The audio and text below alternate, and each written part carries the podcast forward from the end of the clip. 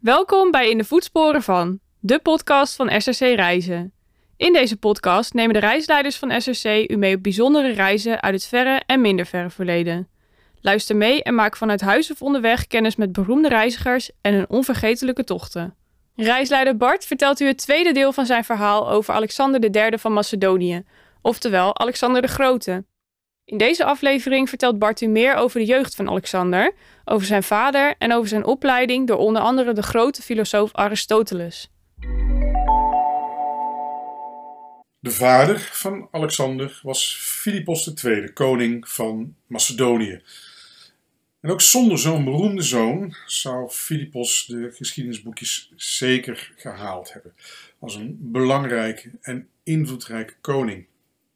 Hij was degene die erin was geslaagd om van Macedonië, van een onbetekenend rijkje aan de periferie, de machtigste speler van de Griekse politieke wereld te maken. Hij was degene die het wapen smeedde dat zijn zoon later zo succesvol wist te gebruiken.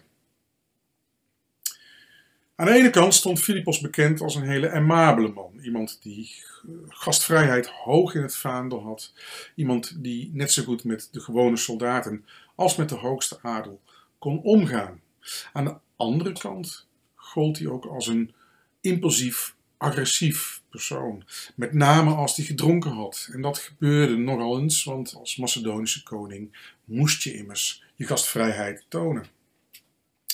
Philippos, als hij gedronken had, kon onberekenbaar en agressief zijn. En Alexander zou dat aan den lijve ondervinden. Als jonge man had Philippos een aantal jaren als gijzelaar in Griekenland moeten doorbrengen. En daar had hij zijn ogen en oren goed de kost gegeven, kennis die hij later zou gebruiken om Macedonië te hervormen. Als jonge man ook had hij bekend gestaan als de mooiste man van Griekenland. En misschien is dat de reden dat Olympias ook verliefd werd op Philippos, net zoals hij aanvankelijk verliefd werd op haar. Aanvankelijk was het een verliefd stelletje. Al snel echter bleek de combinatie niet goed uit te pakken. Aan de ene kant de impulsieve, agressieve, maar sociale Philippos. Aan de andere kant de sluwe, intrigerende, maar teruggetrokken Olympias. Philippos besefte echter dat hij Olympias nodig had. Hij was zeven keer getrouwd geweest, Philippos, maar hij had maar twee zoons gekregen, waarvan er eentje ook nog eens keer geestelijk uitgedaagd was. Het was duidelijk dat Alexander de beoogde troonsopvolger moest zijn. En Philippos besefte dat hij zonder Olympias geen troonsopvolger zou hebben.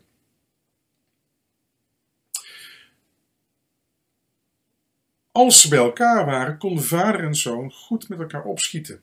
Uh, alles wijst erop dat Alexander opkeek tegen zijn vader.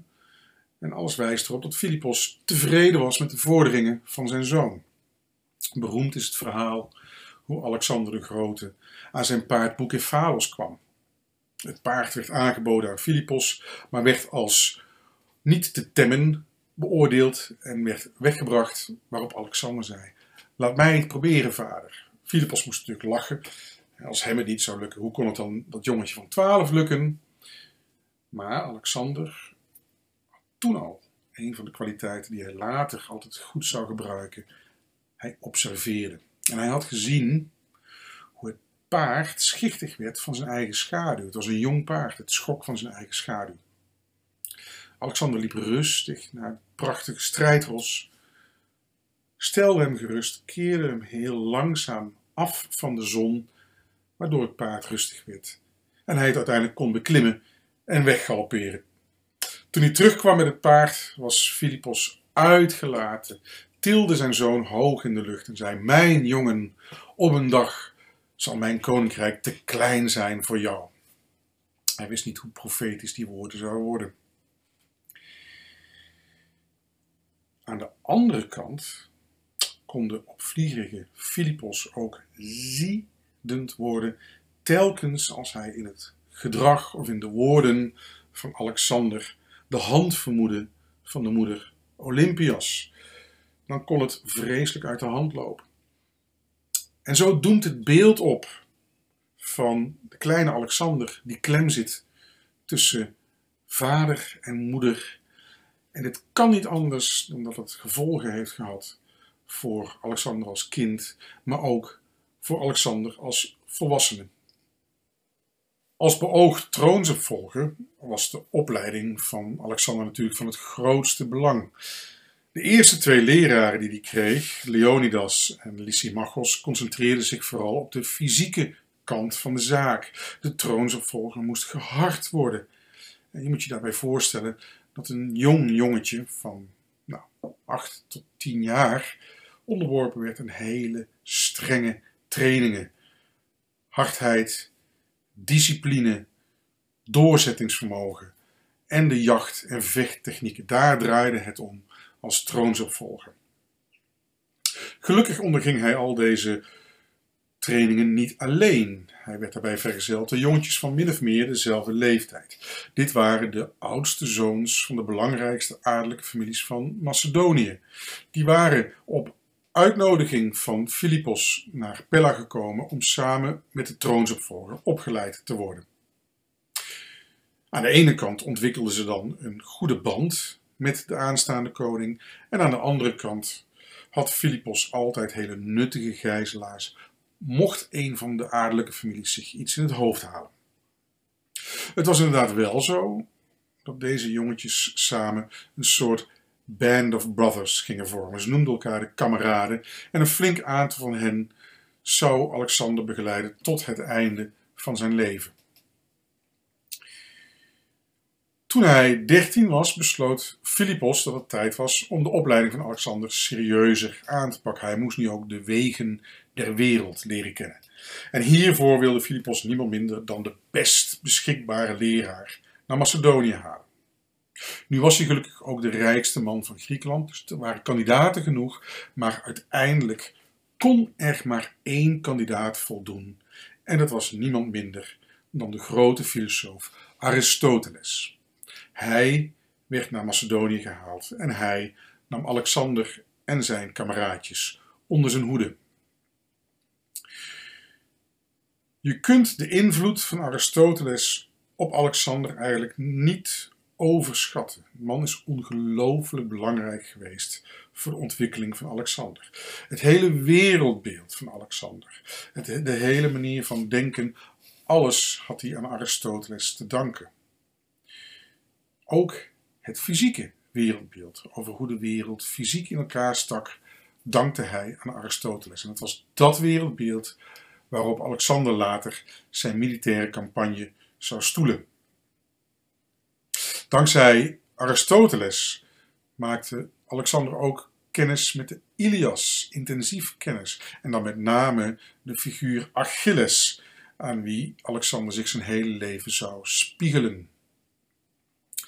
De door Aristoteles geannoteerde versie van de Ilias zou het dierbaarste bezit zijn van Alexander. En tijdens de hele campagne nam hij die overal mee naartoe.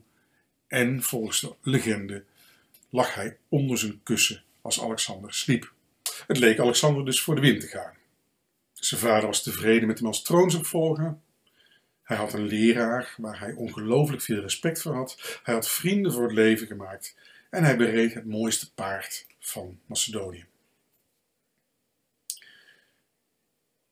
Maar toen werd zijn vader Philippos verliefd. En niet zomaar verliefd, smoor verliefd. En niet op zomaar iemand, nee, op de dochter van zijn belangrijkste generaal Attalus, Cleopatra genaamd. En waarom was dit nou zo gevaarlijk?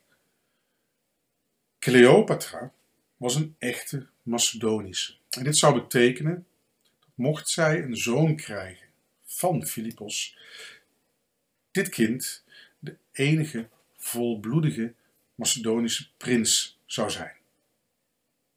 En wie weet zou dit zomaar kunnen betekenen dat Alexander zijn positie als troonsopvolger kwijt zou raken.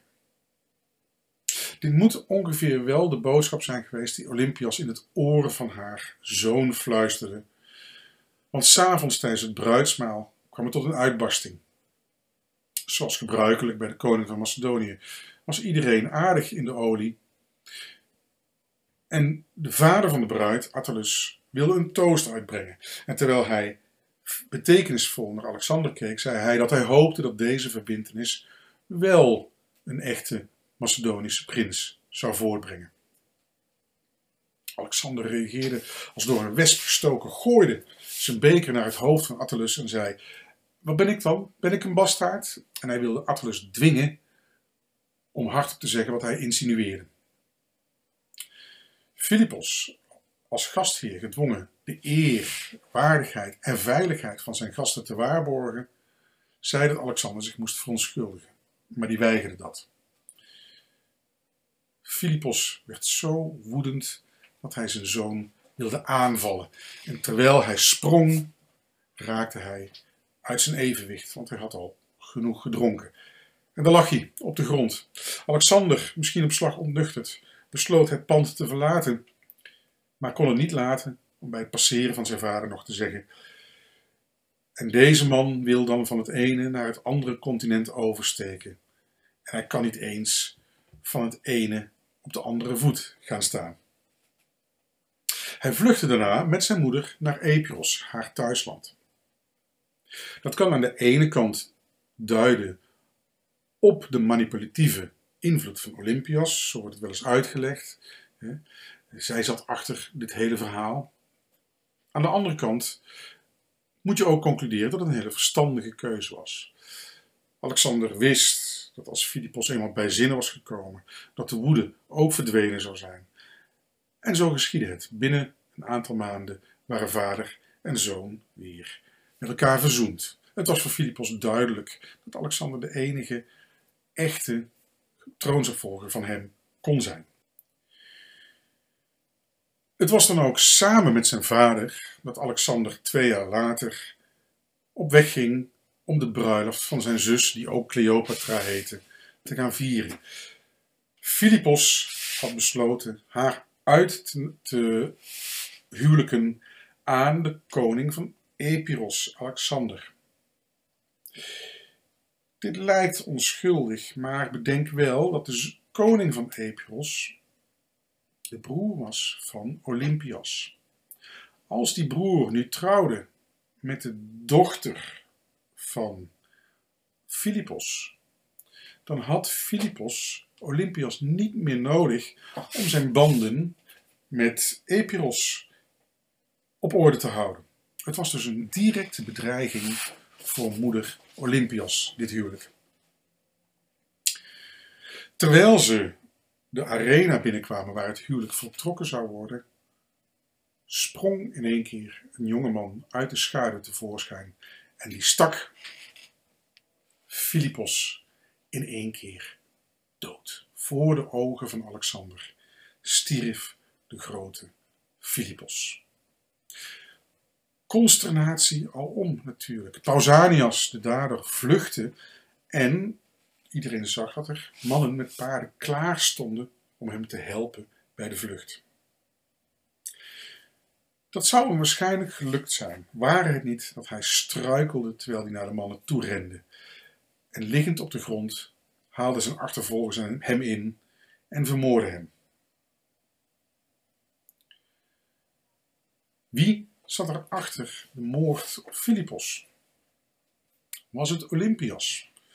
Zij stond immers op het punt haar positie kwijt te raken, omdat haar dochter ging trouwen met haar broer. Wist Alexander van deze plannen? Was het zo dat Pausanias puur uit persoonlijke motieven handelde, omdat hij wrok koesterde tegen Philippos of zat toch de koning van Perzië erachter? Een man die er alle baat bij had dat Philippos werd uitgeschakeld.